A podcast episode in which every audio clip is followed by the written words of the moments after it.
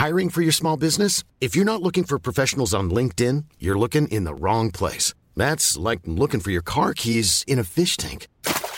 LinkedIn helps you hire professionals you can't find anywhere else, even those who aren't actively searching for a new job but might be open to the perfect role. In a given month, over 70% of LinkedIn users don't even visit other leading job sites. So start looking in the right place. With LinkedIn, you can hire professionals like a professional. Post your free job on linkedin.com slash people today. Many of us have those stubborn pounds that seem impossible to lose, no matter how good we eat or how hard we work out. My solution is PlushCare. PlushCare is a leading telehealth provider with doctors who are there for you day and night to partner with you in your weight loss journey. They can prescribe FDA-approved weight loss medications like Wagovi and Zepbound for those who qualify. Plus, they accept most insurance plans. To get started, visit plushcare.com slash weight loss. That's plushcare.com slash weight loss. Hey there, it's Michelle Norris. I'm host of a podcast called Your Mama's Kitchen. When I travel, I'm usually looking for a way to find a taste of home when I'm not at home. And one of the things I love to do when I am at home is entertain. And Airbnb allows me to do that. When I was in California recently, I rented a house that had a great kitchen. And when we were sitting around the table, we we're all thinking, we're in someone else's house. Someone could be in all of our homes as well. If you have a home, but you're not always at home, you have an Airbnb. Your home might be worth more than you think. Find out how much at airbnb.com/slash host. Tuttosvenskan presenteras av Unibet, stolt huvudsponsor till Allsvenskan och Superettan.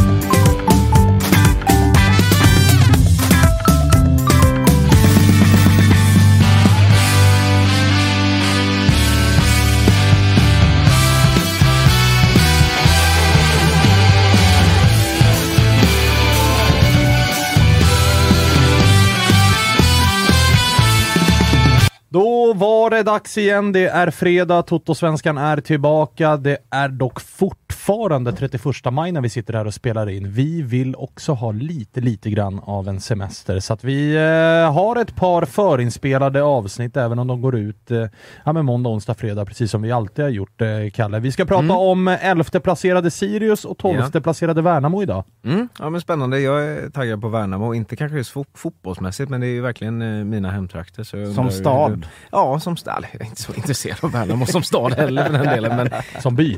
ja, som, ja, nu är jag från Vetlanda så jag ska väl hålla käft i det, Ja, det ska i du. det. Det ska Ja. verkligen göra. är, det, är det ett Harrys de jobbar på? Nej, vi har, vi har inte kommit så långt än faktiskt. Men, eh, jo, Harrys Värnamo tror jag man har varit Ja. och eh, fäktats på någon gång faktiskt. Eventuellt. Är möjligt. Fäktningen på Harrys i Värnamo. eh, det är klart att det är någonting också. Då, då är det riktig fäktning. Ja, det är det verkligen. Alltså, då, då, då snackar vi hela jävla paketet. Eh, som ni hör är Josip och Jocke fortfarande kvar i den här eh, studion och då undrar man ju Josip, Ja. IK Sirius, Mm. vad tänker du?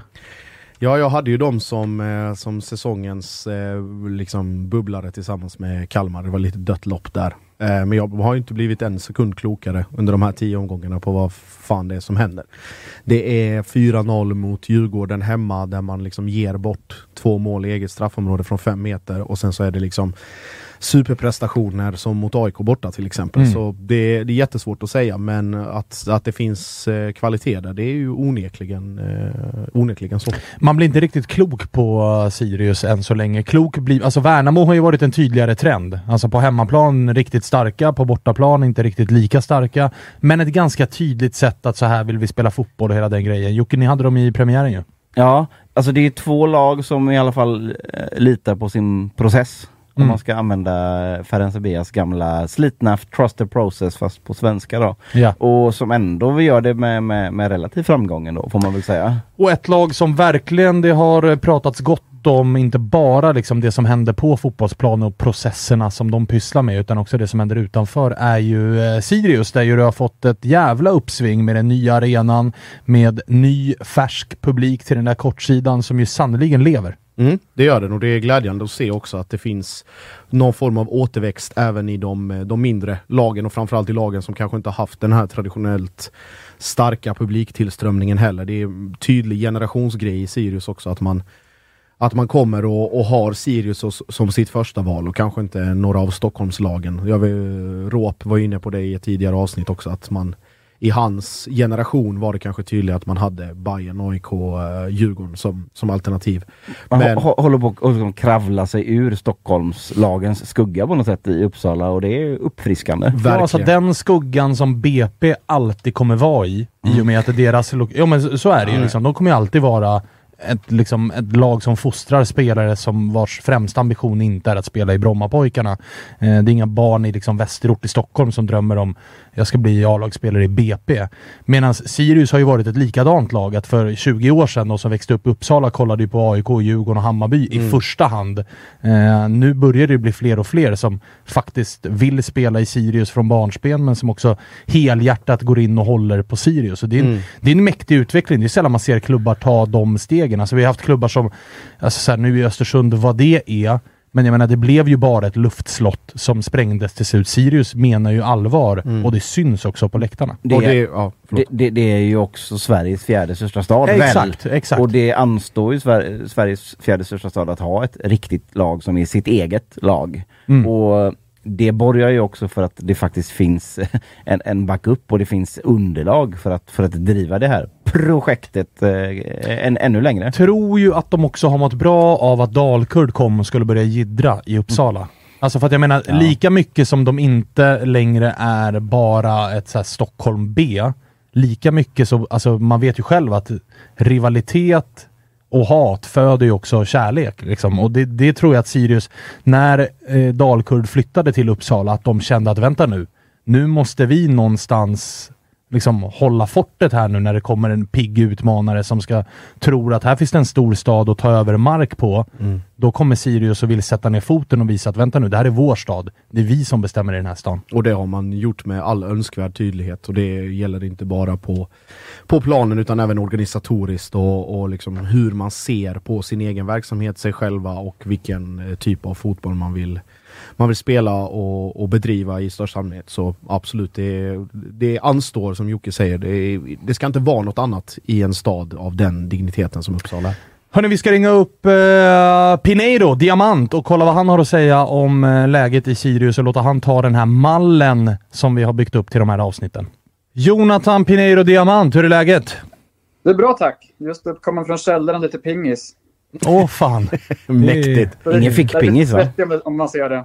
Nej, det, det syns inte. Det ser bara ut som att du har ett skönt glow. Härligt. Eh, du, eh, hur mår man som eh, Sirius-supporter i dessa dagar?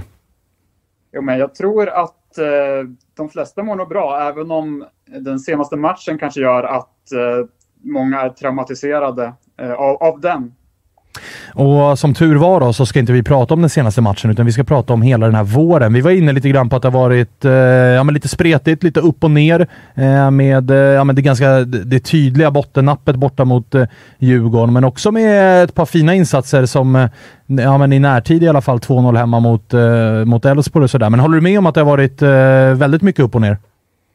Ja, men det kan man väl säga. Sen är det ju också så, eh, det var ju tre nykomlingar i början och sju poäng på de matcherna och sen lite, ja, Mjällby har ju, var, var ju en tuff match också. Det har ju varit upp och ner i vilken form av motstånd man har mött också. Men det är ju så, när man, när man spelar som Sirius gör kanske det ser mycket sämre ut när det är dåligt och ser ganska bra ut när det är bra. Spelar man mer som kanske, i och för sig, ni hade ju Varberg en plumpa mot Djurgården också, men spelar man mer som Varberg eller som Mjällby eller Halmstad förra året så kanske man förlorar med 1-2-0 bara mot storlagen.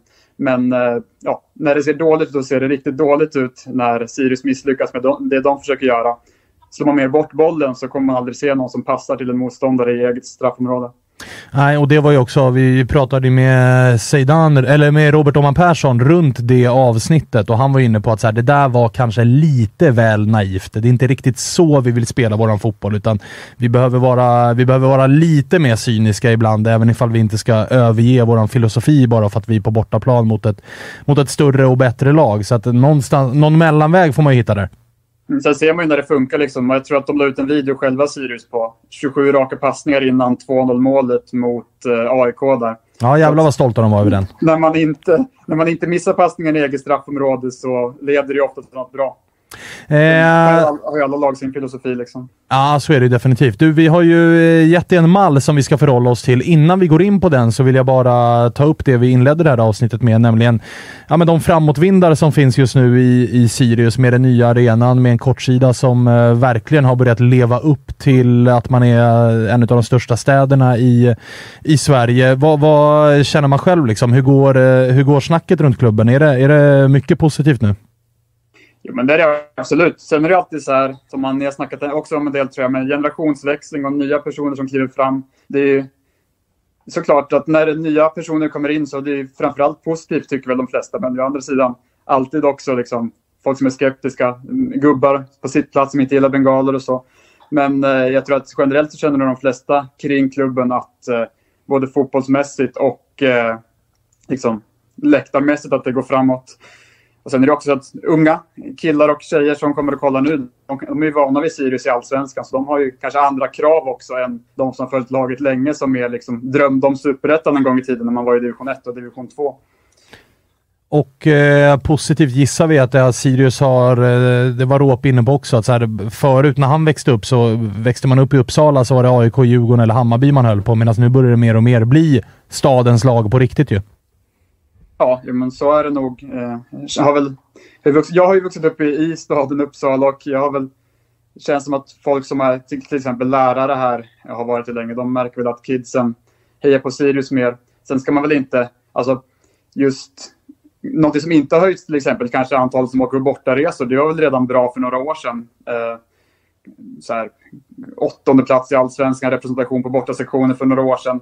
Den grejen har kanske inte riktigt lyft än. Där har varit lite generationsväxling, många som har slutat åka också. Men framförallt hemma så är det ju fler på ståplats liksom än det har varit tidigare. Och en riktig sektion också. Sirius klack har ju varit förpassad, om du minns kanske 2019 när klacken stod ute på en ö där på långsidan. Ja, det var mäktigt. Så det liksom, då ser det inte ens ut som en klack nästan, men så fort den flyttade in på en riktig läktare så sa men det här är ju ändå en klack. Om man säger, om man säger så. Du, eh, vi går in på mallen då. Vi inleder med vårens bästa spelare. Vem hittar vi där? Jag skulle vilja säga kanske Aron Bjarnason. Eh, var ju skadad hela förra säsongen. Eh, spelade två matcher på slutet, hoppade in två matcher, bröt ett ben i foten som bara 10% av befolkningen har. Eh, Klart det är en skada. det är något extra ben som bara 10% har och det bröt han. De trodde att det var en stukning först, men sen missade han hela säsongen då. Han värvades ju efter ett fiasko i Ungern och var ju tänkt som en, någon sorts ytterforward. Har ju gått ner som wingback den här säsongen. Och har varit jättebra faktiskt. Tre mål, någon assist och liksom kommer ju forsande på högerkanten hela tiden. Så där, ja, viktigt, liksom wingbacksen har ju blivit, när Sirius spel funkar så kommer de ju med fart väldigt ofta, både han och Shabani. Och har ju lett till en del poäng. Ja, det har ju varit en ny bekantskap som man faktiskt har eh, blivit imponerad över. Så att jag, jag, eh, jag gillar den. Vad har du på vårens överraskning då? Alltså, många hade kanske glömt bort hur bra Jamie Roche var, eller Roche om man ska uttala det lite bättre kanske. Hur bra han var hösten 2020. Var ju inte alls bra som mittback förra året när han skulle flyttas ner där och skolas om. Men jag tror att det är en överraskning för många att han är så bra igen centralt på mittfältet. För han var väl inte riktigt, han var kanske inte ens nummer fyra på det där centrala mittfältet inför säsongen. Han kanske var nummer fem liksom. Men nu har ju han konkurrerat ut nyförvärvet Filip Olsson här från Landskrona. Och eh, spelar ju varje match och är en av Sirius bästa spelare. Oftast. Och på eh, besvikelsefronten då? Är det den där 04 borta mot eh, Djurgården eller hittar vi eh, någonting annat? Man skulle kunna säga kanske med tanke på hur bra spelet såg ut i höstas rätt ofta och ja, 3-0 hemma mot Häcken och ja, det såg stabilt ut hela hösten. Sirius tog de viktiga segrarna där och ja, men vann de matcherna de skulle vinna. Att spelet såg så dåligt ut även de här tre första matcherna mot Giffarna, Helsingborg hemma och Värnamo borta så tror jag att ja, men det var en, jag skulle kunna säga att det är en besvikelse att det tog så lång tid att ersätta Jakob Ortmark. Att spelet liksom inte funkade alls första sex matcherna.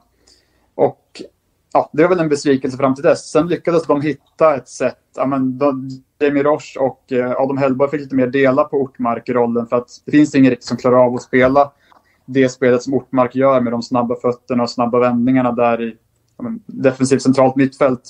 Så att, det är väl då Sirius fått igång spelet egentligen, när de har lyckats ersätta Ortmark.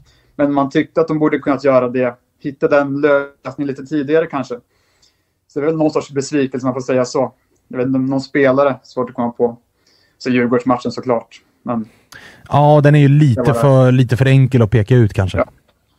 Eh, tränarfrågan då? Du var inne lite grann på att man har jobbat med att ersätta Ortmark, vilket såklart är svårt. Det är inte lätt att bara hitta och eh, lösa en spelare av den kalibern.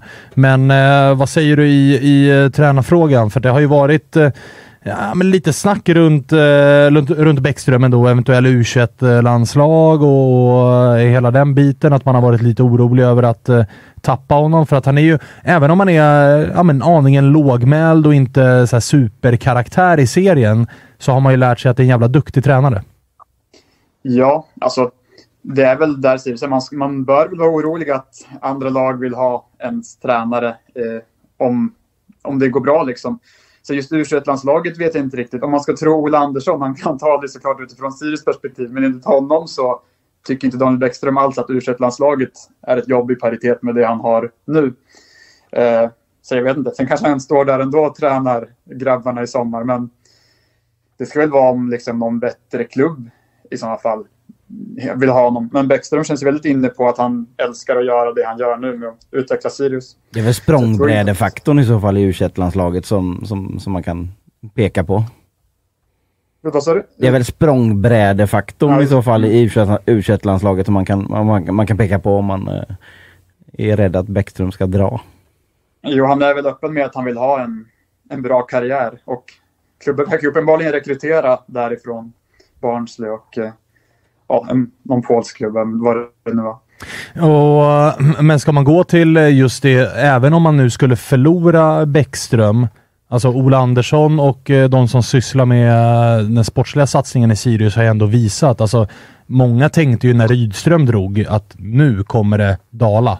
För Rydström gjorde det jävligt bra. Han visar ju ett mod, men också en jävla kvalitet i sin rekrytering, Ola Andersson, att hämta Daniel Bäckström som ju är ja, men relativt oprövad, relativt, eh, liksom, det är inte många som har koll på honom och man ser att han hakar bara i det Rydström har gjort och, och eh, stundtals till och med kanske även gör det ännu bättre då, sett till material och spelare man tappar och, och den grejen. Så att, Även om man tappar honom så känns det ju som att Ola Andersson har koll på bitarna. Han har koll på nästa man. Han, han är ju såklart fullt medveten om att Bäckström en vacker dag kommer att dra. Ja, Ola och Adrian von Heine Scout, de är ju det känns som att de är nog inställda på att om han drar då tar vi in någon ny 30-åring som, som kör. Eller så. Eh, eh men du, sommarfönstret här som kommer. Eh, jag gissar att man från Sirius-håll är orolig över eh, KK och Zeidan som ju inte har världens längsta kontrakt, som har varit på storklubbars radar tidigare, som fortsätter att göra jävligt bra insatser i Sirius. Det är spelare som sticker ut. Hur orolig är du över att de försvinner? Alltså jag kan tänka mig, som Sirius gamla tränare Kim Bergstrand sa en gång, det är aldrig negativt att ha bra spelare eh, om de har kontrakt. Så att det är väl, om de säljs så är det ju för att Sirius tror att det gynnar klubben. Eh, så att, ja, det är väl vad det är. Sirius vill ju börja sälja spelare och jag kan tänka mig att ja, men framförallt KK, har väl startat sju matcher och gjort fyra mål den här våren. Och det är ju bra liksom. Och hade en otrolig försäsong med nästan fler mål än matcher. Jag tror han hade det till och med. Eh, så att ja, man kan väl tänka sig sen. Seidan kan de nog kräva en, tänka att de vill ha en del betalt för, för att sälja.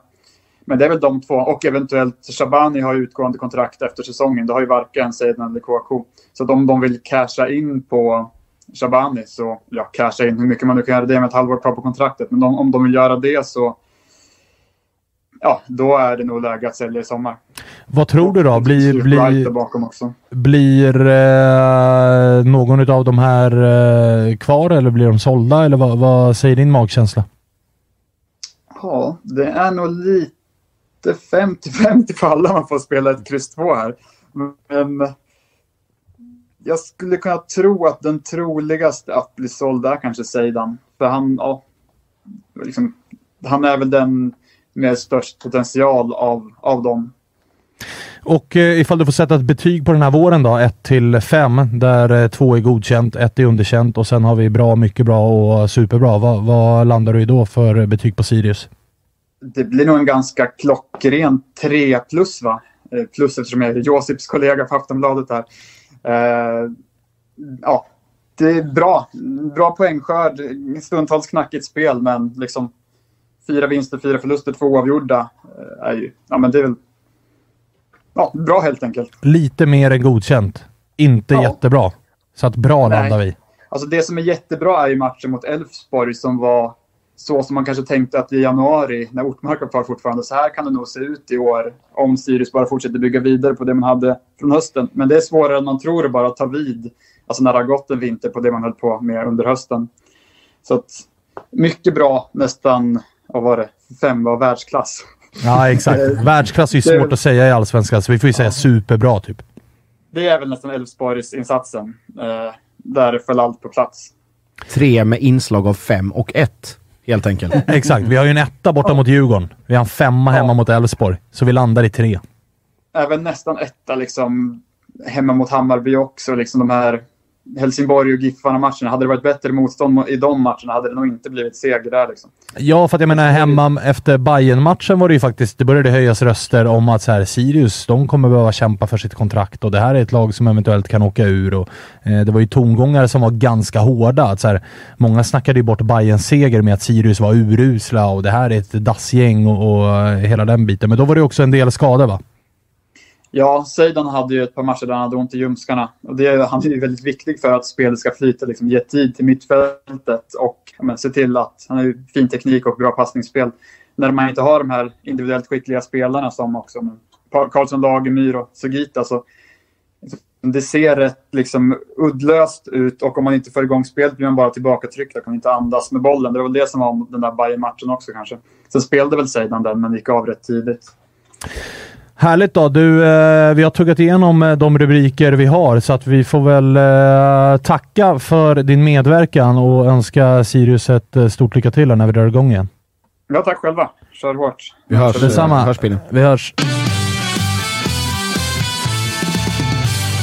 Tuttosvenskan är sponsrad av Sveriges snabbast växande underklädesvarumärke och vid det här laget så vet ni mycket väl att det är Weird jag talar om. Alltså W-E-A-R-D. Ja men ni vet, idioterna som fick för sig att ta det gamla ätpinnematerialet bambu och helt plötsligt bara göra världens lyxigaste underkläder av materialet. Plötsligt har man då sett till att bambu numera är framtidens material. Nu är det slut på tiderna när man satt och beklagade sig över sina sladdriga, trötta gamla bomullskalsonger. Ja, men ni vet de där man hittar längst ner i lådan när det börjar nackas tvätttid i hushållet och istället bara byter ut hela underklädesgarderoben och fyller upp den med premiumprodukter från Weird. Och hur ska man göra det då? Jo, man använder givetvis koden SVENSKAN30 när du lägger din beställning. För då får du sjuka jävla 30% rabatt på allt! Ja men ni hör ju, inga ursäkter längre utan in på weird.com, alltså W-E-A-R-D.com och lägg er beställning. Och vi på Tuttosvenskan, vi säger stort tack Weird. Känns harmoniskt i Sirius. Ja, det, Eller? ja det, klubben mår bra och alla verkar vara nöjda och glada med, med allting. Nej men det, är- det är inte så jävla konstigt heller att det känns harmoniskt. Det vore väl, vore väl mer stress och, och panik och ångest om man var eh, på säg Sundsvalls eller eh, Degerfors. Men det känns också som att det kan vända jävligt snabbt. Alltså, Ja. nu, nu, eh, han är ju optimistisk eh, och tror väl att, så här, det låter ju nästan på honom som att han tror att eh, alla kommer vara kvar utav de här spelarna. Men alltså försvinner Zeidan och Kouakou, alltså då kan det gå ganska snabbt ut för, för den här Det klubben. kan bli kännbart, ja, det, absolut. är, det är ju lite liksom balansgång här. Och det här är ju ett problem som jag tycker att många allsvenska klubbar ofta har. Att man säger å ena sidan att vi måste bli bättre på att sälja spelare. Å andra sidan så säljer man inte spelarna och börjar knappt fundera på att sälja spelarna förrän det är 18 månader kvar på kontraktet. Då är det och typ då, för sent. Och då är det för sent, för att då kommer ju supporterna börja skrika “Vänta nu, vi hade ju bud på 18 miljoner, hur kan ni släppa honom för 10?” Så att det blir ju liksom, det blir lite eh, det ena eller det andra och klubbarna kan knappt bestämma sig själva för vilket av dem det ska vara. Mm. Sen harmonin är väl såklart också mycket för att det mesta är ju en överprestation här nästan. Eller Ja. jag menar, för, för, förväntningen är att man, vi klarar oss från kval. Eh, Typ. Och allt uppåt där får väl betecknas som bra kanske? Eller? Ja, men Är det är, väl, där. nej, men det är så man får tolka det. Men sen så är det ju, det är ju lättare för...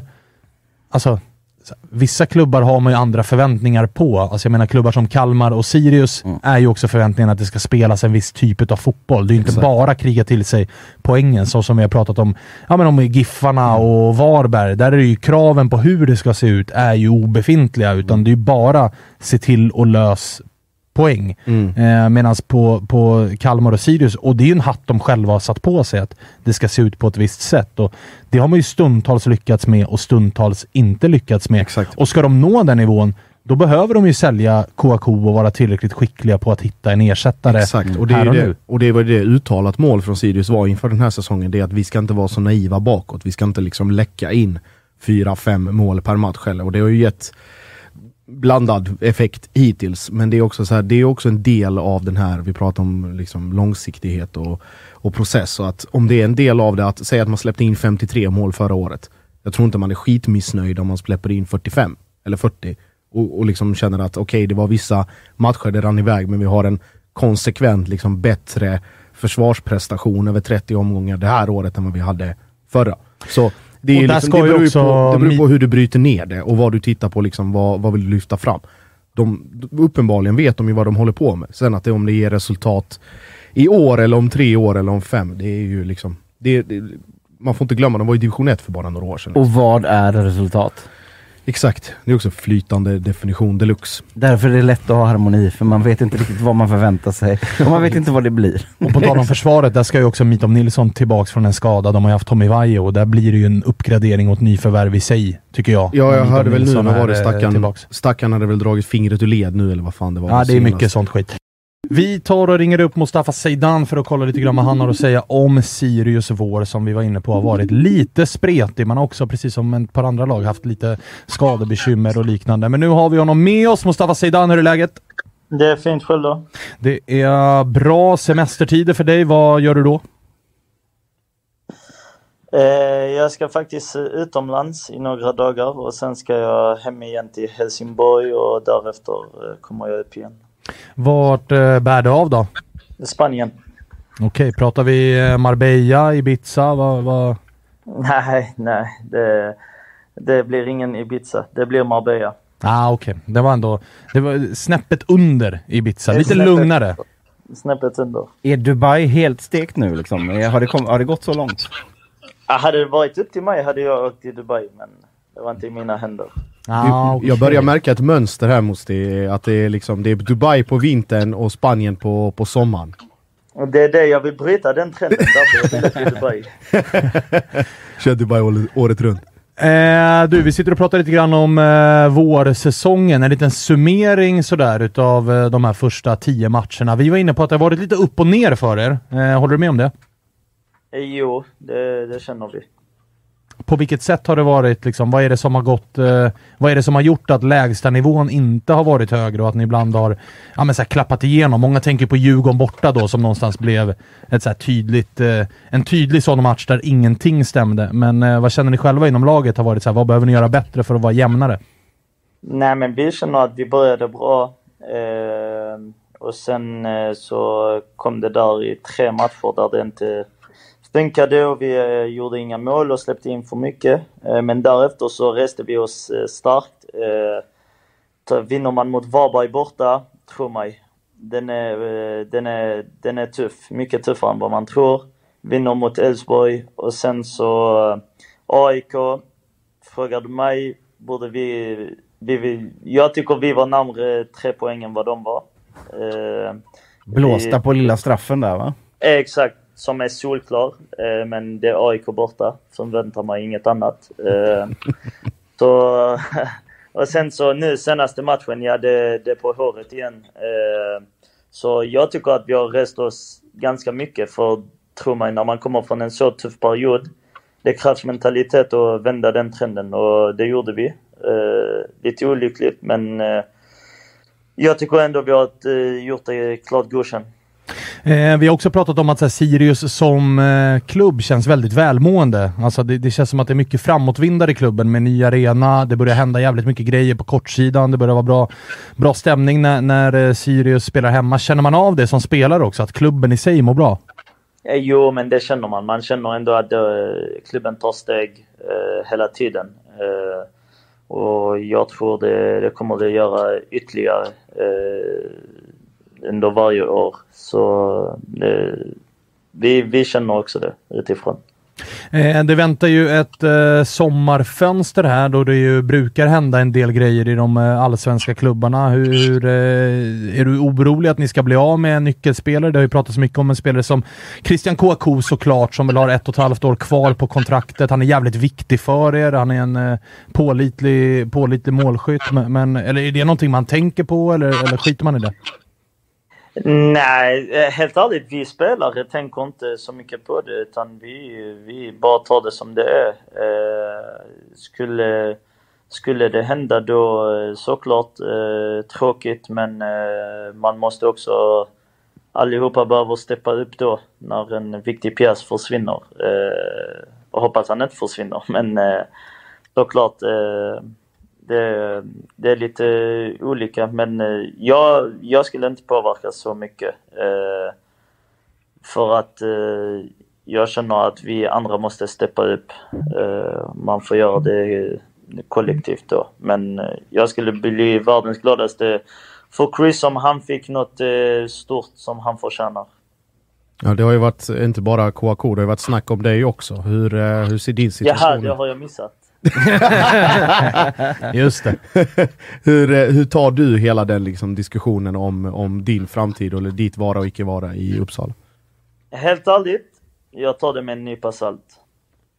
Om du frågar mig. Eh, det, det, det snackas alltid, det snackas hela tiden. Eh, man tar, när, när tidningar skriver och det, det, alltså, det är mycket som snackas men det är inte alltid det blir av. Men blir man inte boostad av det? Eller alltså det finns ju två sidor utav myntet. Vissa kan ju kanske tycka att det är jobbigt att det blir en Mm. högre press och mycket mer snack och fler ögon på en. Medan vissa boostas ju av att det börjar pratas om utlandsflytt och eh, det är också det är ett kvitto på att man gör någonting jävligt bra. Att man känner att så här, nu ska jag gasa ännu mer, jag ska träna ännu hårdare, jag ska vara ännu bättre på, på matcherna och sådär. Så att det finns ju två sidor av det.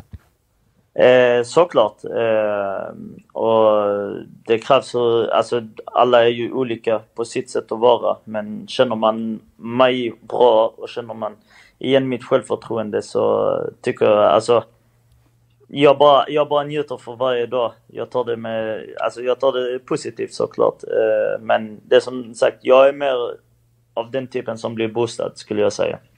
Eh, eh, tror du att det kan ha att göra med eh, alltså, dina tidigare år där det har varit, eh, du vet ju hur snabbt det kan gå liksom mellan att vara ena sekunden utomlands och nästa sekund lite grann få börja om och, och eh, det har inte varit liksom spikrakt uppåt från att du var eh, 16 medan nu det är lättare kanske att hantera den typen av rykten när man har gått igenom det du har gått igenom.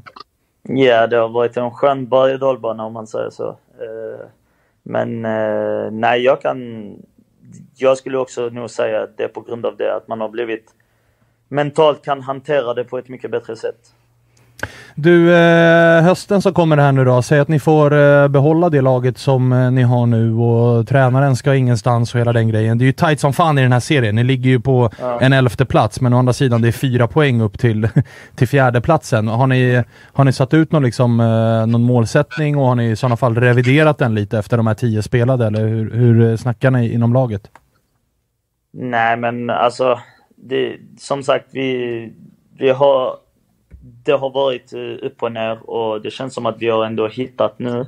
Och det är det som vi vill eh, bygga vidare på. Eh, vi kollar faktiskt inte tabellen. Jag personligen kollar inte tabellen för jag tycker det är alldeles för tidigt. Eh, men samtidigt så vet man att det börjar snart när halv, eh, halva säsongen har gått och så då kommer man börja se liksom lite, alltså om det finns ett glapp emellan eller inte men för oss, vi vill göra bättre än förra året så det är väl, det, är väl det som är målsättningen. Och eh, nu pratade vi bara om liksom, spelare utifrån Sirius, men, men eh, känner du att så här, ni behöver krydda till laget någonstans? Känner ni att det, det saknas någon, någon pusselbit eller känner du att det här är, vi behöver inte göra någonting, vi behöver bara fortsätta gnugga på, på det som ni gjorde här innan det avslutades så kommer ni lyfta? Eh, Både, både gnugga vidare på det men samtidigt vi har ju haft problem med skador. Eh, Det är ingen hemlighet. Nu senast eh, utgick eh, Dagrassa eh, och Isak Sowankambo eh, har en eh, skadad baksidan. Så vi har ju skador i backlinjen. Eh, sen är jag inte sportchef, så eh, det är inte mitt jobb eh, att kolla ut och in. Men eh, såklart, de som kommer in vill man, om det kommer in någon så vill man att det ska vara spelare som konkurrerar om startpositioner och inte är truppspelare. Så att inte liksom utfyllnad, det är inte det ni behöver. Ni behöver Nej, spelare som kan gå in och göra skillnad. Nej men man behöver spetsa till eh, om man vill bli, alltså, ta steg hela tiden. Och så som klubben känns så känns det som att vi tar steg hela tiden så man får väl eh, hoppas på att vi utvecklas där också. Härligt. Du, eh, då återstår det väl bara för oss att önska dig en, eh, en härlig semester i, i Spanien då. Ta det lite lugnt och sen är det väl bara att börja gasa igen. Ja, tack så mycket. Tack. Härligt. Vi eh, hörs då. Tack för att vi fick ringa. Gör vi. Ciao moster. problem. Ciao ciao. Hörni, vi gör ju den här podden tillsammans med Unibet och de har ju satt ihop lite specialspel här nu som passar ganska bra in på våra avsnitt. Och just den här gången så kikar jag lite på över 12,5 mål. Där har vi först Marcus Antonsson och det ger 1,65 i odds på att han gör över 12,5 mål. Eh, 2,10 på att han gör under. Sen har vi också Christian Kouakou med eh, 2,55 på över 12,5 mål då och 1,45 på under 12,5 mål. Lite roliga specialspel. Det är bara att gå in på Unibet och eh, klicka er fram till Allsvenskan så hittar ni dem där. Kom ihåg att ni måste vara över 18 år för att spela och eh, stödlinjen.se finns för dig som har problem med spel. Det är sällan man behöver utfyllnaden nu. Det är, det, det, det är sällan man hör det, en sportchef säga så här. Nu behöver vi satsa på lite utfyllnad eh, här i, i uppehållet. Ja, och, men å andra sidan, alltså att spelare säger att vi behöver, alltså, för det kan ju lika gärna bli att Alltså, konkurrens. Han, en spelare vill ju inte ha konkurrens på Nej, sin nej. position. Han vill ju att det ska vara, liksom, jag är given startspelare. Det, det är nog inte hans egen position han vill ha konkurrens Nej, på heller. de andra, de andra positionerna eh, såklart. Men, men eh, det är ju, de har ju ett par spelare som är spännande. Zeidan är ju en utav dem. Eh, Kouakou är såklart en annan. Tror ni att eh, Sirius lyckas behålla de här under sommaren eller? Eh, jag har svårt att se att båda stannar faktiskt. Mm. Det känns som att båda kan nog, eh, eller har lockat till sig intresse från andra klubbar under en längre tid. Och jag tror att man, man från högre eh, klubbar, kanske både i Sverige och utomlands, passar på att agera nu eh, innan, eh, eller smider medan järnet är varmt. Ja, och jag menar, som, ska man utomlands så är ju sommarfönstret oftast det bästa. Christian Kouakou har ett läge där det är ett och ett halvt år kvar på avtalet. Ska Sirius ha en slant för honom, då är det ju nu man måste sälja. Och jag menar med tanke på den... Han gjorde ju en sju helvetes jävla försäsong, Kouakou, där han ju Ja. snittade mer än ett mål per match. Och han har inlett allsvenskan på, på ett bra sätt också med, med fortsatt poängskörd. Och Zeidan är ju ofta den som ligger bakom dem. Så det är ju två spelare som bör vara intressanta, inte bara för allsvenska klubbar utan också för Definitivt. klubbar på, på en annan nivå. Och lönerna i Sirius, de är inte skyhöga. Men finns det någon, ty- Nej. någon tydlig för Kouakou att de har varit och ryckt i? Liksom, förutom det här ständiga AIK-ryktet då, som ändå inte känns jättehett. nu Nej, alltså det, det kändes ju aldrig hett förutom att han har en AIK-historia. Så var det ju Precis. typ supportrar som var såhär, honom kanske vi borde ha. Men, Han gör ju men, mål och bor nära. Ja, exakt. Han bor ju här i området och, och är väl, eh, ja, så, så att, nej, men det är väl utomlands i så fall. Mm. För att jag menar, de klubbarna som är i, i ett verkligt behov av en nia i Sverige i Allsvenskan, det är ju klubbar som är typ under eller på samma nivå som Sirius. Så där kommer det ju inte ske. Precis. Och jag menar klubbar som, ja men, han har testats i Blåvitt, den bron är ju bränd. Ja, där blir det nog inget mer. Nej, och jag menar den sessionen i Blåvitt gör ju också att klubbar som, jag menar Malmö FF skulle må bra av en nia bakom Kiese som är bättre än Abubakari. Det är ju Kouakou, men Nej, sessionen i, i Blåvitt gör ju att Malmö nog känner att nej, nej, nej, vi får ta någonting annat. Ja, möj, möjligen Djurgården då kanske. Jag vet inte. Ja, för där finns ju också en rimlig, med tanke på AIK-historiken, Ja. att han går dit. Ja, Alltså, ja men... Ja, nej, nej. stating the obvious bara. Det är väl inget, det är väl inget bara på- hån på något sätt. Nej, nej, nej. Men, det är bara där, så där, det ser ut. Där skulle det kunna finnas plats för en nia menar jag. Ja, verkligen. Så- verkligen. så. Mm. Med tanke på att Sead försvinner, då kan man spela Ja. Edvardsen och KK. Så det hade ju också varit rimligt och där finns det ju pengar. Ser Ja. det inte hända bara. Det som är... Nej, Det, jag ser det inte heller hända. det som är Sirius fördel i det här fallet är ju att det finns en bit kvar på bådas kontrakt. Jag tror båda går ut om ett och ett halvt år eller någonting sånt. Mm. Kanske Zidane ett år, vet inte. Men det, det, alltså, de har ju den fördelen att de har bundit upp sina nyckelspelare på läng- eh, långa kontrakt och så kan de ta betalt för dem. Sen i vilka summor och prisklasser det rör sig om, det är ju det är liksom eh, svårt att, svårt att avgöra nu men fortfarande att det är inte de här liksom 1-2 miljoners värvningen utan det är snarare upp på 6, 7, 8 liksom. Om Djurgården kunde lägga 6-7 miljoner på, på Viktor Edvardsen i, i Degerfors med det med, liksom, med den må- målproduktionen så finns det väl ännu mer potential att hämta ut från de här två. Då kan nog Sirius skjuta upp priset ytterligare några millar. För känslan är ju att Sirius vara eller icke vara på den övre halvan utav tabellen har ju mycket med de här två spelarna att göra. Ja. Sticker de, då, då får man ju börja om på något sätt igen och försöka hitta nya spetsar liksom. Och då, då brukar man tappa poäng ganska fort. Ja, och det är ju dessutom en liten signal om att så här, vi tror inte att vi kommer åka ur.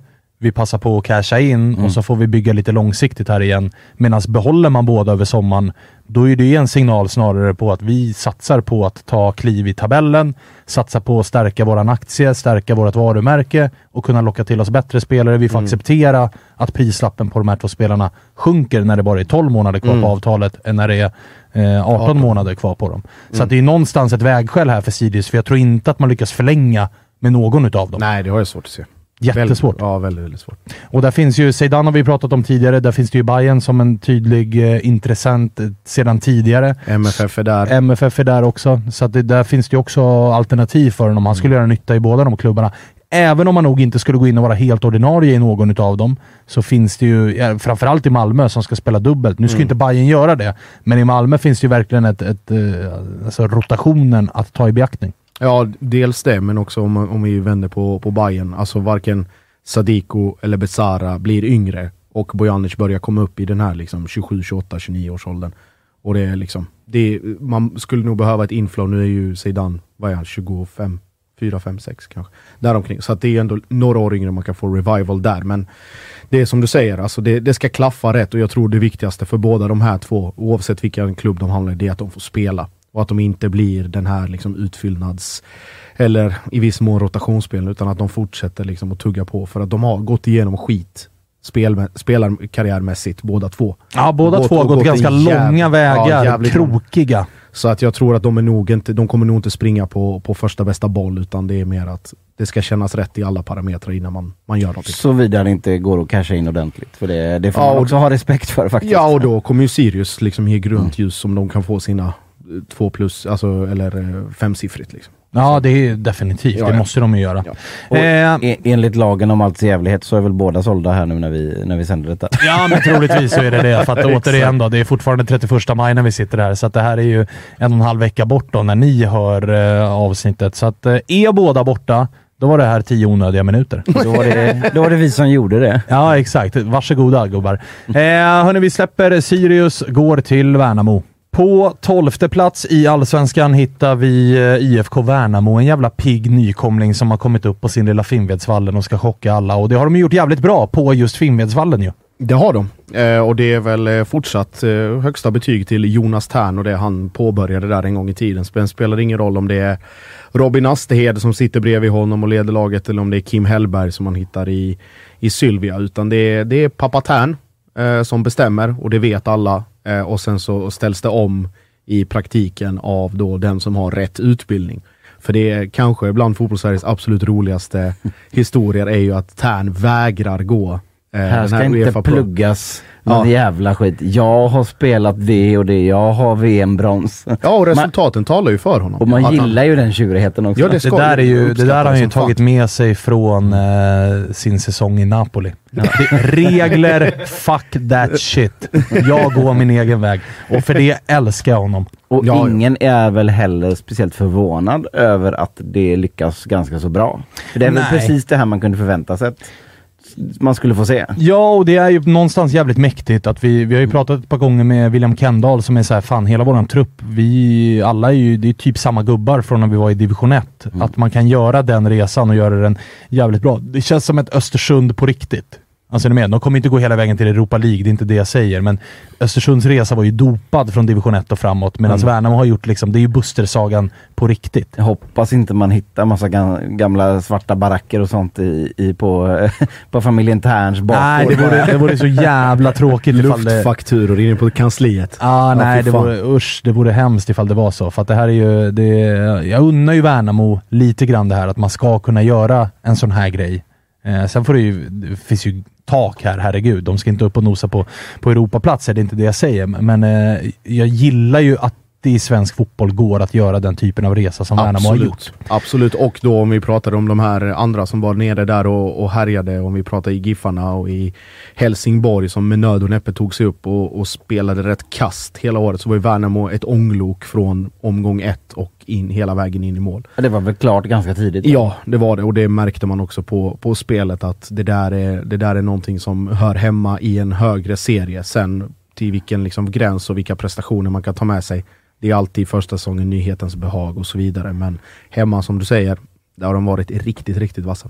Ja, och det var ju någonstans här, när man tänker på Värnamo de senaste eh, tio åren, så var det ju någonstans ett annat Värnamo som satte dem på kartan. Det var ju med, ja, men med Simon Tern på planen och med Viktor Claesson och Baffo och Talangfabriken. Sadiko. Talangfabriken Värnamo. Som bara var så här, "Nej, men ni ska ju vara i ettan, tvåan. Eh, Tern ska hålla på med något ungdomsprojekt och så kommer folk eh, och bara sno russinen ur kakan. Alla drar till Elfsborg. Ja men Ja, exakt. exakt. Och nu, nu liksom tio år senare så är det någonstans skördar man på riktigt som klubb också. Inte bara att man fostrar Mm. individuellt bra spelare utan också att klubben går hela vägen till Allsvenskan och ligger på säker mark. Mm, definitivt, och det är, det är väl ett, ett liksom jättebetyg om, om något. Att man ändå har den här tron och den här eh, förmågan att skita lite i, det, det går ju hand i hand, Kalle kan ju intyga, det går ju hand i hand med den småländska mentaliteten. Att här ska minsann ingen komma och berätta för mig vad jag ska göra, utan jag gör det själv. Och så, så gör man det, och sen så får det resultat också. Det är det Kalle alltid säger. Ja. Det kan du hoppa upp och klappa dig arslet på. Ja, du, du hör ju det. För fan. Nej, men det är, och det är som återigen Tern och, och hela den grejen runt omkring och vad man har gjort med klubben. Det är bara hatten av. Vi eh, ringer en eh, lyssnarfavorit i form av Felix Pettersson och kollar vad han har att säga om eh, de här rubrikerna som vi har eh, tagit fram gällande Värnamo. För det är ju vårens spelare, det är ju svårt att säga någon annan än Antonsson enligt mig då. Men eh, vi får se vad, vad Felix vaskar fram. Han har ett tåg att passa så vi får se hur ljudet är. Men nu är han med oss i alla fall. Hur är läget Felix? Ett vattenfall. Tack, allt under kontroll. Härligt. Står på eh, Stockholms eh, centralstation faktiskt. Ja, vad fint att och, liksom ha med dig ifrån riktiga jaktmarker. ja, precis. Varit uppe och tagit en Är runda det bara på? Södermalm. Liksom. Ja. Eh, du, vi går igenom eh, alla lag i Allsvenskan och vi har gjort en liten mall som eh, folk som har stenkoll på lagen får eh, besvara. Så att vi hoppar rakt in i den tycker jag. Vårens bästa spelare i Värnamo undrar jag vem det har varit.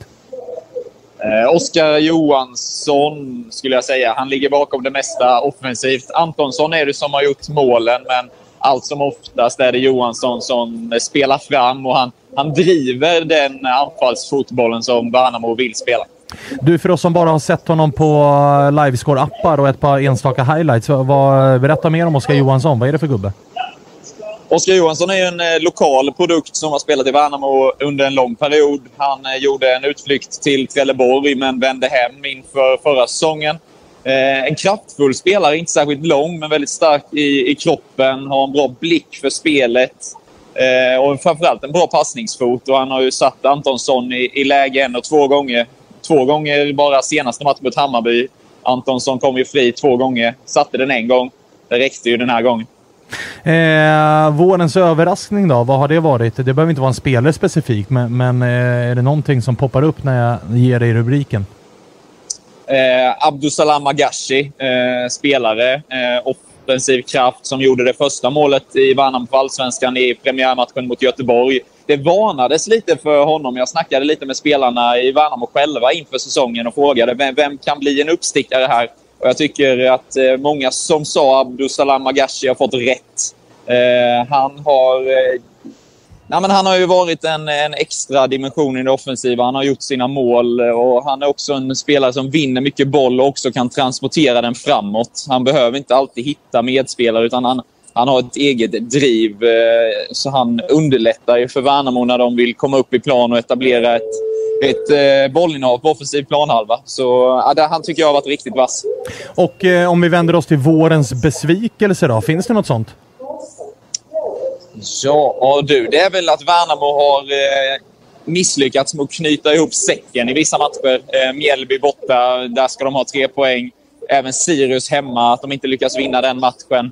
Eh, skulle de tagit alla poäng som de faktiskt förtjänat i vår, då hade de ju istället för 12 legat kanske snarare sjua i tabellen och då, då hade det varit en succévår. Nu får man se det som en ja, väldigt mycket godkänt, men kanske inte succé. Och det där, eh, det finns ju underliggande siffror som bekräftar just den grejen. Att så här, Värn- Värnamo har eh, sett till expected goals som man tycker om att prata om i IFK Göteborg. Så I den här fairness-rankingen. Ja, men exakt. Så, så är det ju ofta att. Värnamo ligger ju jävligt högt där. Att man borde ha gjort ännu mer mål än vad man faktiskt har gjort. Mm. Ja, men det stämmer verkligen. Och att de har fått utdelning nu, att de vände borta mot Helsingborg, det var väl det absolut viktigaste. Men också tre poäng till hemma mot Hammarby. Ja, sex poäng på de sista två omgångarna här har ju varit superviktigt. Istället för att behöva gå in i sommaruppehållet och, och känna att man måste pressa fram poäng ganska tidigt efter sommaruppehållet. Nu får man lite luft under vingarna och, och kan fortsätta bygga, fortsätta tro på det som man har startat.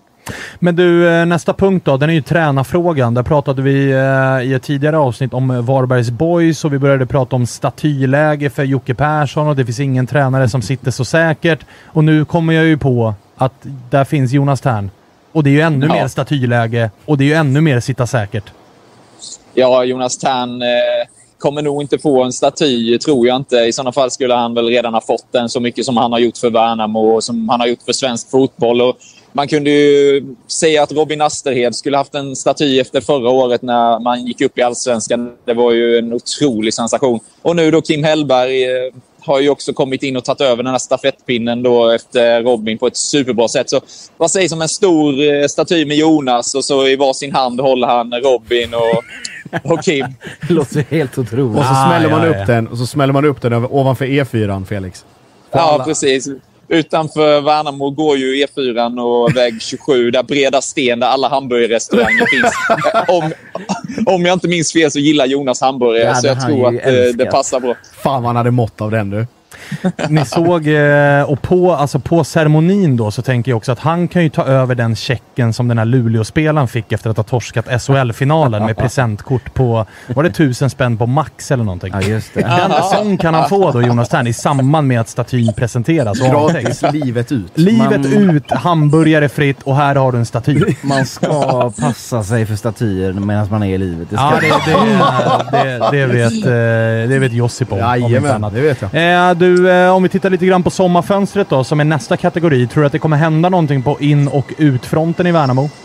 Oh, Jag har eh, inga uppgifter på att det ska vara något eh, större på, på gång, men eh, visst finns det möjlighet att det kommer in eh, någon kvalitet till, men eh, jag vet faktiskt inte. Och jag, jag tror inte att klubben eh, är i någon direkt panik, liksom att de behöver det, utan det finns en bredd och det finns en, en spets som, som bevisligen har, har varit tillräckligt bra för allsvenskan. Och, och det är väl hela tanken med det här projektet att det är de som ska göra det och de ska utvecklas tillsammans. Så jag tror inte de vill bryta det och ta in några direkta fler chansspelare eller så, utan nu har man det laget och jag tror att det är tillräckligt. Ja, jag har ju försökt sälja på vissa lag Bernardo Villar som jag vet att mitt Blåvitt kanske eh, försöker göra sig av med. Men just när det gäller Värnamo så vet jag att där har det ju faktiskt funnits eh, riktiga diskussioner om detta. Skulle det ändå Mm. förstärka tror du? Han var ju väldigt bra för er i Superettan. Ja, han var ju grym i, i Värnamo och det är väl egentligen tack vare att hans ersättare har varit så bra som man inte har saknat honom. Först kom ju Hugo Andersson och nu då Robin Tii. Så, så man har ju inte saknat honom på det sättet, men man ska inte glömma hur viktig han var för Värnamo under första halvan av, av fjolårssäsongen. Så få in honom, absolut. Eh, ett komplement till Eriksson och Tii i mittbacksparet. Man vet ju inte med skador och så heller. Uh, och Felix, jag tänkte på, på en sista grej också. Alltså, om vi tittar på nykomlingarna som kom upp. Det är alltså HIF, det är Sundsvall och det är Värnamo. Värnamo har gått bäst uh, och då tagit vidare den fina formen som man hade från Superettan när man gick, gick som ett ånglok hela vägen. Hur mycket tror du att det är nyhetens behag och hur mycket tror du att det är den här konsekventa tron på det man gör och det hårda arbete man lägger ner som gör att man ändå är så pass mycket före de, all, de andra konkurrenterna från just Superettan? Ja, men jag tror eh, att det finns någon typ av eh, energi som man har tagit med sig. Och man ser ju i många ligor att nykomlingarna är som bäst i inledningen av säsongen. Men nu tycker jag ändå Värnamo har visat över tio omgångar att, att man är här av rätt anledning och man eh, presterar tillräckligt bra för att ta poängen. Man har inte haft tur när man har tagit poäng utan snarare som vi var inne på senare kanske förtjänat mer. Så, och ja, de kommer utvecklas och kommer fortsätta utvecklas. Och de kommer absolut inte ta mindre poäng i höst. Det, det kan jag inte tänka mig. Vi pratade ju med William Kendall tidigare som har varit en viktig kugge i uh, Värnamo. Han var ju också inne på att så här, jo men det är nog några lag som kanske har underskattat oss lite, som har kommit till Finnvedsvallen och känt att ja men det här, det här löser vi liksom. Det, kom, det, det är Värnamo på Finnvedsvallen som Jävla vi möter. vall, liksom. Ja men alltså de, de har ju känt det, så att han var ju också inne på att de är, de är ju medvetna om att nu efter uppehållet så kan det nog bli tuffare. För att det som du är inne på, att Värnamo har bevisat i matcherna att man är ett lag att ta på allvar. Det kommer bli tufft. Man har nollat Malmö, man har nollat Bayern på, på hemmaplan. Man, man tog till och med tre poäng mot Bayern. Så att, så att, eh, och det talar väl också för någonstans att det kommer fortsätta gå bra. Att man i alla fall är inställda på att det kommer bli tuffare. Det är inte så att Värnamo verkar känna att det här var ju enkelt att spela Allsvenskan och man kanske slår av på takten lite.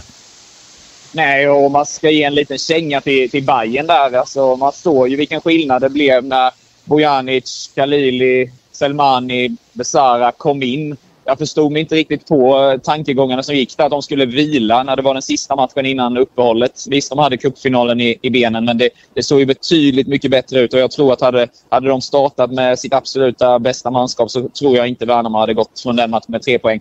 Nu, över 90 minuter, förtjänade ju Värnamo att vinna, men där, där kanske man gavs en möjlighet som inte riktigt fanns från, från start. Eh, vi pratar ju bara spelare in nu då. Är du rädd att eh, Värnamo kanske tappar några gubbar? Ja, vem skulle det vara? Det, det finns väl möjligheter, men nu vill man inte vara kvar i det här projektet. Det har ju bevisligen eh, visat sig vara en klubb som man mår väldigt bra i och som man utvecklas i. Så jag, jag tror att de vill vara med, de som har påbörjat resan här.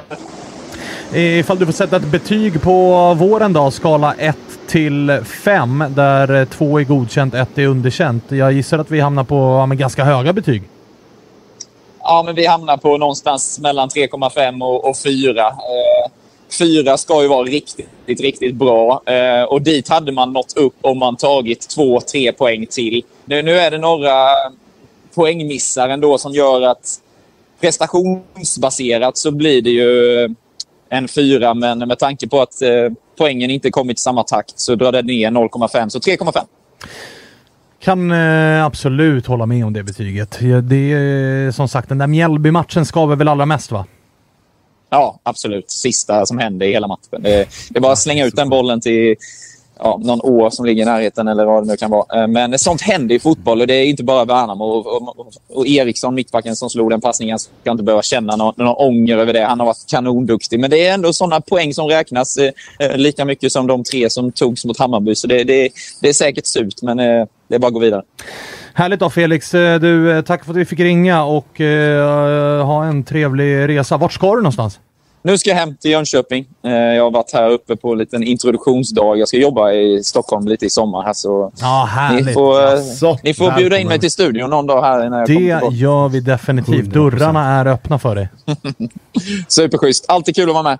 Härligt. Vi hörs då. Tack Felix. Gör vi. Tack, tack. Tja, tja. En, en liten besvikelse som, som man ändå måste ha.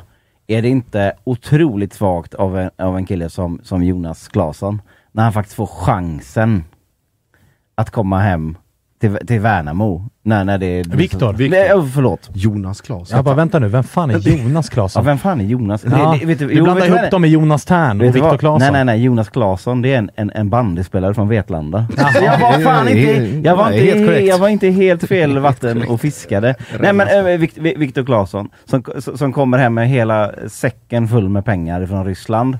Ja. Som ser sin, sitt Värnamo liksom eh, gå upp i allsvenskan. Alltså, han, han, han har ju chansen att komma och göra eh, världens jävla grej. Ja, då hade det varit Buster på riktigt. Inte det, men är det inte en, till och med lite pinsamt att inte han gör det då? Eller det är bara, Ja. nej pengar i Köpenhamn, jag behövde lägga lite till på den jättehöga högen jag hade. Det, framförallt är det ju tråkigt. Han kan fan spela bandy i Vetlanda istället. Ja, det borde han fan i mig göra, Claesson. eh, men men eh, är, man är inte förvånad över att det är, att det är frid och fröjd i, i uh, Värnamo. Och så här, när man frågar om spelare ut, samma sekund som jag gör det så kommer jag också på att vem skulle det vara? Det är ju verkligen ett kollektiv som har gjort det här. Även Mm. ifall, visst, Oskar Johansson och, och Antonsson sticker ju ut i poängproduktionen, men det är ju heller inga spelare som är Alltså de är inte 19 bast och, Nej. och storklubbar är där och rycker, utan de känns ju jävligt nöjda. Alltså Johansson vänder hem efter kort sejour i Trelleborg. Det känns ju lite så här mammas gata och jag menar Antonsson har ju visat att han är ju inte en spelare för de stora klubbarna, utan han ska ju vara i mindre klubbar och ligga på rulle och göra sina Mm. mål. Ja, absolut. Och det, det, det hedrar dem också att de liksom båda, båda fattar det. Att de liksom så här, att det, så här, det finns ju skräckhistorier om andra spelare som har trott att de är för mer när de har gått till någon större klubb och envisats med att inte bevisa någonting och sen harvar de där de harvar. Behöver inte gå in på namn men det finns, finns sådana också. Men de här var liksom så här, ja ja men det här är, det var inte för mig. Jag går tillbaka till lugnet, tryggheten, organisationen och då framförallt det som lockade ju säkert också var Alltså nivån på det Värnamo gör. Att det inte bara Ja, och dessutom så här, jag, drog ju, trean, jag liksom. drog ju Östersunds jämförelsen, men det Östersund var ju också ett jävligt tydligt, ja, alltså det var individuellt skickliga spelare Mm. där man satt och såg elvan och man såg Ken Sema och Saman Ghoddos och, och eh, vad heter- Bachirou, Bachirou. Sotte. Och man satt och tänkte, "V- v- vad är det här för jävla spelare?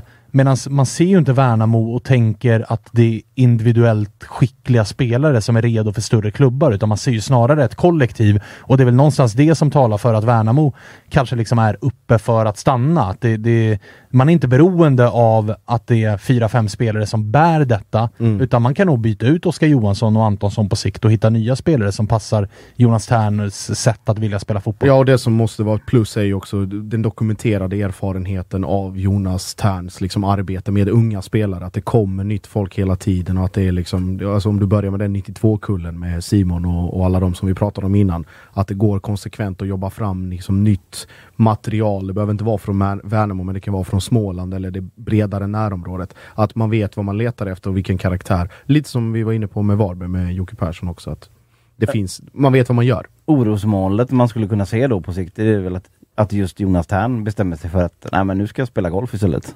Eller, eller ja, något och annat. den ser man ju faktiskt hända. Alltså Jonas Tern mm, skulle ju efter, ja, man skulle till och med efter den här säsongen kunna bara så, då har jag bevisat att jag kan ta upp Värnamo till Allsvenskan. Precis. Jag kan ge dem ett nytt kontrakt. Nu pallar inte jag mer. Ska jag ta jägarexamen eller något annat? Ja, men vad som är. Men de som har ju också pluggat till, så den Sant! känslan är ju att, känslan är att Jonas Tern skjuter vilken jävla älg han vill, när han vill, hur han vill. Det är ingen jävel som ska visa upp någon jävla licens. Kanske just det han gör då liksom. Ja, men han kan få för sig att absolut gå ut och jaga på heltid. Precis, helt med, med pilbåge eller Ja, spjut. Så att två klubbar som är ganska lika varandra, även om de är jävligt olika varandra, är ju då Varberg och Värnamo. Får vi väl ändå slå fast att de står lite grann och faller med klubbens starke man. Den enorma alfahannen som är i varsin sida av spektrat på något sätt. Exakt. Jocke Persson som ju älskar att vara spetsig och synas och höras, även om han kanske inte kommer erkänna det. Jonas Tern som hatar att synas och höras, men och, älskar... ha, och hatar att svara i telefon framförallt. Visst vill man se Jocke Persson mot Jonas Tern i en sån här cagefight bara till döden? Oh, det hade varit mäktigt. Det hade varit Det jävligt är mäktigt. inte helt säkert vem som tar den. Nej, det är 50-50. Tern är ju en grinig jävel. Ja, ja. Alltså, han inte upp. fulknep. ja. Ja, verkligen. Vilka hade man inte velat se i en cagefight? av de allsvenska tränarna. Alltså- Bäck, Bäckström mot... eh, Jimmy Tillin. Ja, Bäckström mot Jimmy Tillin. Det hade varit en tråkig fight. En riktigt tråkig. Kan vi inte sätta oss ner och prata istället? Hade de ju sagt. drar upp liksom, någon sorts process för hur Mi- man ska komma ta sig ut. Milos Marti är stark. Det är en title, eh, Ja, title men det, är, fight. det är lite såhär medelhavs... Alltså det, det dyker upp knivar och grejer. Nej, inte cagen för fan. Jo, jo, jo. Någon har smus, smusslat med sig en stilett. Nej, tejpat, vad heter det, lagt in lite Ja. rakblad i, i Ja, ja, tejpningen. ja. ja, ja. Jätte, jättestökig. Stare då? Stare Lennartsson. Det hade, ju, det hade ju bara varit, det hade ju varit en stor jävla kram. Bara. Nej, jag vet inte vem, vem, vem, vem han vill ha ihjäl egentligen. Nej, nej. Säkert, säkert. eh, Stare Sanna då? Slut, sluta Sta, nu. Stare Förlåt. Bartos, eh, den kan nog, kan nog hetta till. Vinner väl Stare va? Bara- Jag tror bara, bara Kontrollerat, sig- kontrollerat aggressiv. Ja, exakt. Polska blodet rinner till. Ja, bara smidig, duckar, eh, vad heter det, duckar slag. Och vet du vad man hade velat ha? Smidig Man hade, duckar. den sista fighten då som är main event, det är Ah. Kim mot Tolle. Tolle. en gång för alla ska de göra upp. Och det är den gången som det verkligen rinner till för Tolle. Då tappar han det fullständigt. Den lugna, kontrollerade Berserk. Thomas Lagerlöf. Ja. Han bara ser svart. Går loss. Vilket jävla main event. Robin Tii, hur är läget? Ja, det är bra, tack själv då. Det är bra. Du befinner dig... Du fick ingen semester som alla andra, åka till Marbella och skit, utan du, det var bara att snöra på sig finska landslagsstället. Ja, det fick åka till Helsingfors istället. Inte fel det. Nej, det är sant. Inte fel. Hur eh, går det för er? Eh, det går bra faktiskt. Vi har, eh, vi har två kvalmatcher kvar till, eh, till EM. Ehm, så om vi vinner båda två så, så har vi fa- faktiskt ganska bra chanser till att gå vidare. Mäktigt. Om, eh, jag har inte dubbelkollat det här, men det känns inte som det finska u landslaget har spelat jättemånga mästerskap. Nej, jag tror de har, spelat, de har spelat ett, tror jag. Ja, så Någonsin. det vore lite historia ändå att gå dit. Ja, ja, ja. Eh, men du, vi har pratat en del Värnamo i det här avsnittet och vi har varit imponerade över er eh, inledning på den här säsongen. Vad, vad känner du själv som är ganska ny, eller väldigt ny i laget? Eh, jag skulle väl säga att det är rätt... eh, alltså jag, tyckte, jag tycker ändå att det är rätt väntat eh, faktiskt. Ehm, jag kände att i, under försäsongen att vi, vi hade något bra på gång liksom och, och jag tycker att det, det utvecklas eh, ju mer alltså, tiden går. Och det var vi, eh, vi var inne på det inför säsongen också, att många nog var ganska överens om att så här, Värnamo känns som den bästa, den bästa nykomlingen. Eh, med tanke på att så här, grundspelet sitter, man har inte tappat så jättemånga spelare, man har kunnat krydda lite grann med, med dig där bak och Antonsson eh, där fram och så. Men som du är inne på, det känns som att ni, det är ett ganska färdigt lag liksom. Det är inte så mycket som är frågetecken. Delar du den bilden? Ja, ja, det håller jag med om. Jag tappade bort det lite där i mitten för att få grund av internet och så, men eh, jag tror jag hörde allting ändå. Men eh, nej, ja, jag håller med. Det känns ändå som att det är mest eh, Ja, det är mest att vi ska lägga ner jobbet liksom. Alltså, inget mer än det. Eh, sen så tror jag ändå att det, ja, som du själv sa, det är rätt färdigt faktiskt. På hemmaplan har man ju blivit eh, riktigt imponerad över er. Ni har kryssat mot Malmö, ni spöade Bayern precis här innan uppehållet. Vad, vad är det som gör att ni är så starka där? Nej, men det är väl den här, ehm, den här trygghetskänslan antagligen. Plus att det är gräs. Det är en annan grej typ om du skulle gå, spela en bortamatch på, på konstgräs eh, jämfört med en, eh, en på gräs. Men eh, det är väl den här trygghetsgrejen att du känner liksom att du... Alltså du, du är van med din publik, du är van med hur planen är liksom och allt det där. Det brukar vara så för många lag. Vi pratade ju lite grann med Kendall för någon vecka sedan och då var han inne på att så här, starten har varit bra, men att ni nu efter uppehållet kanske har... Ja, men han var inne på att så här, folk kanske har underskattat Värnamo lite. Att man tänker att man kommer till lilla Finnvedsvallen och eh, det är en ny klubb i allsvenskan och hela den grejen. Men att ni nu kanske behöver rikta in er på att laget kommer ta er på större allvar om du fattar vad jag menar. Att ni också då behöver växla upp en nivå till för att nu har ni ändå bevisat att ni har i allsvenskan att göra. Eh, har du samma inställning? Ja, men det tror jag nog. Um, speciellt de här kanske lagen som eh, brukar befinna sig på den övre halvan av eh, tabellen, antar jag eh, kan ha underskattats lite. Men, eh, men ja, som, som William kanske sa, att eh, nu är det dags att växla upp. Men jag tror ändå att det, det är jävligt möjligt. Hur är det att ha Tern och Kim då som tränare? Tern är ju lite mytomspunnen och det har ju, Värnamo har ju varit kända för att vara ja, men, duktiga på att utveckla talanger. Du är en av de yngsta i startelvan och, och sådär. Hur, hur har det varit att komma och ha dem som tränare? Nej, men det har varit eh, strålande. Det, det var enkelt att komma in. Eh, de skojar, eh, men de är seriösa när det behövs. Och, och det, är liksom, det är väldigt självklart och eh, tydliga tecken kring vad, som, alltså vad man ska göra och vad som väntas av en och alla de här bitarna. Så att, eh, det känns ändå ganska enkelt att komma in i, komma in i det. Liksom. Vad gör han då Tern? För att alltså utifrån så känns det ju, han pratar ju inte jättemycket med media och med tanke på vilka talanger han ändå har varit med och fostrat så känns det ju, han har ju lite så här trollkarlsvibbar runt sig, det känns som att han gör någonting speciellt. Va, vad, är, vad är det? Nej, alltså... Ja, jag vet inte hur mycket han pratar med media, men alltså, bland oss så pratar han en del. alltså runt omkring oss i laget och, och allt det där. Så att eh, pratglad är jag verkligen. Eh, och skojar och jag vet inte, jag tror han får en att, eh, att bli liksom bekväm, att man får eh, självförtroende. Man känner att man har någon som tror på en och, och de här bitarna. Och det, är- det är fan jävligt viktigt alltså, speciellt för en ung spelare. Att, eh, att känna att man har att man har det där självförtroendet eh, på så liksom, hög nivå som möjligt. Eh, och så liksom det här gamla vanliga med här, ställa bra krav, eh, spela alltså, högt tempo på träningarna, eh, göra sitt bästa, du vet, alla de här vanliga grejerna. Men jag tror mycket handlar om, om just den här tryggheten. Så det känns som att det han gör för att unga spelare ska utvecklas, det är mer på det personliga planet än på det fotbollsmässiga planet. Ja, det skulle man kunna säga. Det är, det är såklart en mix av dem, men det, det personliga påverkar jävligt mycket.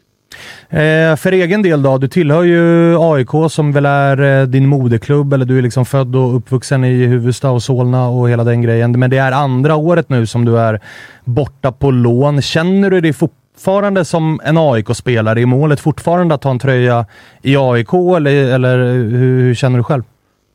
Ja, men det skulle jag säga. det skulle jag faktiskt säga. Men eh, jag tittar ju på varje match och så. Så, att, eh, eh, så långt bort jag skulle jag inte säga att det är, fast det var två år på lån. Ehm, sen eh, allt det här med att ta en AIK-tröja och allt det där, eh, det får man ju se efter säsongen. Nu fokuserar man ju på, liksom på Värnamo 100 procent. Ehm, men det är självklart att eh, det är liksom målet med det hela. Och målet med Värnamo nu då? Har ni eh, satt något mål inför säsongen och nu när det har gått så bra, har ni omvärderat det? För jag kan ju tänka mig som nykomling är det väl, ja men vi ska hänga kvar. När man sen slår Bayern hemma och kryssar mot eh, Malmö hemma och har ganska bra avstånd ner till de två sista platserna. Blir det att man ändrar målet och tänker nej men nu ska vi vara topp 10 liksom? Eh, alltså från min personliga eh, målsättning eh, var från första början att faktiskt komma alltså över, um, alltså om du tar mitten, så lite över mitten. Um, det var lite min, eh, min personliga uh, så här målsättning, men det är, alltså det är självklart att nykomlingar tänker så här, okej vi ska hålla oss kvar, vi ska säkra kontraktet, men uh, uh, jag tror man, man kanske känner lite nu utan att liksom alltså, dra upp hype eller något sånt här skit. Men man känner väl ändå att det, det borde väl kunna ha en målsättning som siktar sig lite högre än det. Ja, för att jag menar ni har ju matcher där ni faktiskt, eh, alltså ni har ju snarare haft, ni har ju snarare lite färre poäng än vad ni kanske borde ha. Mjällby borta tänker jag. Jag tänker kanske på ja, men premiären mot Blåvitt. Eh, lite bättre skärpa och fokus där så får ni med er en poäng. Mjällby borta, det kan lika gärna vara tre poäng. De gör mål i, vad är det, sista sekunden. Så att det hade ju kunnat vara ännu bättre till och med. Ja, jag såg någon, eh, någon sån artikel på Fotbollskanalen. De hade så här expected points och jämfört med var man var någonstans. Ja, där såg man själv, alltså om man tittar på den, inte för att man ska kolla sån här statistik hela tiden då, men eh, Det säger där så någonting. tror jag ändå vi låg eh, på typ, alltså runt mitten. Exakt, så det är lite det jag är inne på. Men eh, det låter som att eh, livet leker för dig med, eh, ja, u spel nu i Finland och en bra jävla start på säsongen i Värnamo. Ja, nej, men det rullar på, det rullar på. Det är väl inget mer än det. Fint så. Eh, du, eh, tack för att vi fick eh, ringa då. Fortsätt eh, gnugga här nu när serien startar upp igen. Ja, tack själv. Grymt, hörs vi. Ja, det gör vi. Tja! Hörni, det här var avsnittet om eh, Sirius och Värnamo. Vi tar oss uppåt i tabellen. Snart börjar det bli dags för Blåvitt också. Mm. Det är vi långt kvar vi är långt upp i Nej, tabellen. nej, nej, det är ni verkligen inte. Det kan till och med vara nästa avsnitt faktiskt. en poäng efter Malmö efter tio omgångar var det. Ja, ja, ja, ja. Halmstrån, halmstrån, halmstrån. Ja, det är halmstrån ska vi greppa när vi pratar eh, IFK Göteborg. Det blir väl samma avsnitt som Peking. Ja. Två kamratklubbar i Mm, samma avsnitt. Kamratderbyt. Ja, härligt. Mm, eh, det hör ni eh, nästa vecka. Vi säger eh, trevlig helg från Toto-svenskan och så är vi eh, tillbaka med tre nya avsnitt nästa vecka. Hej på er!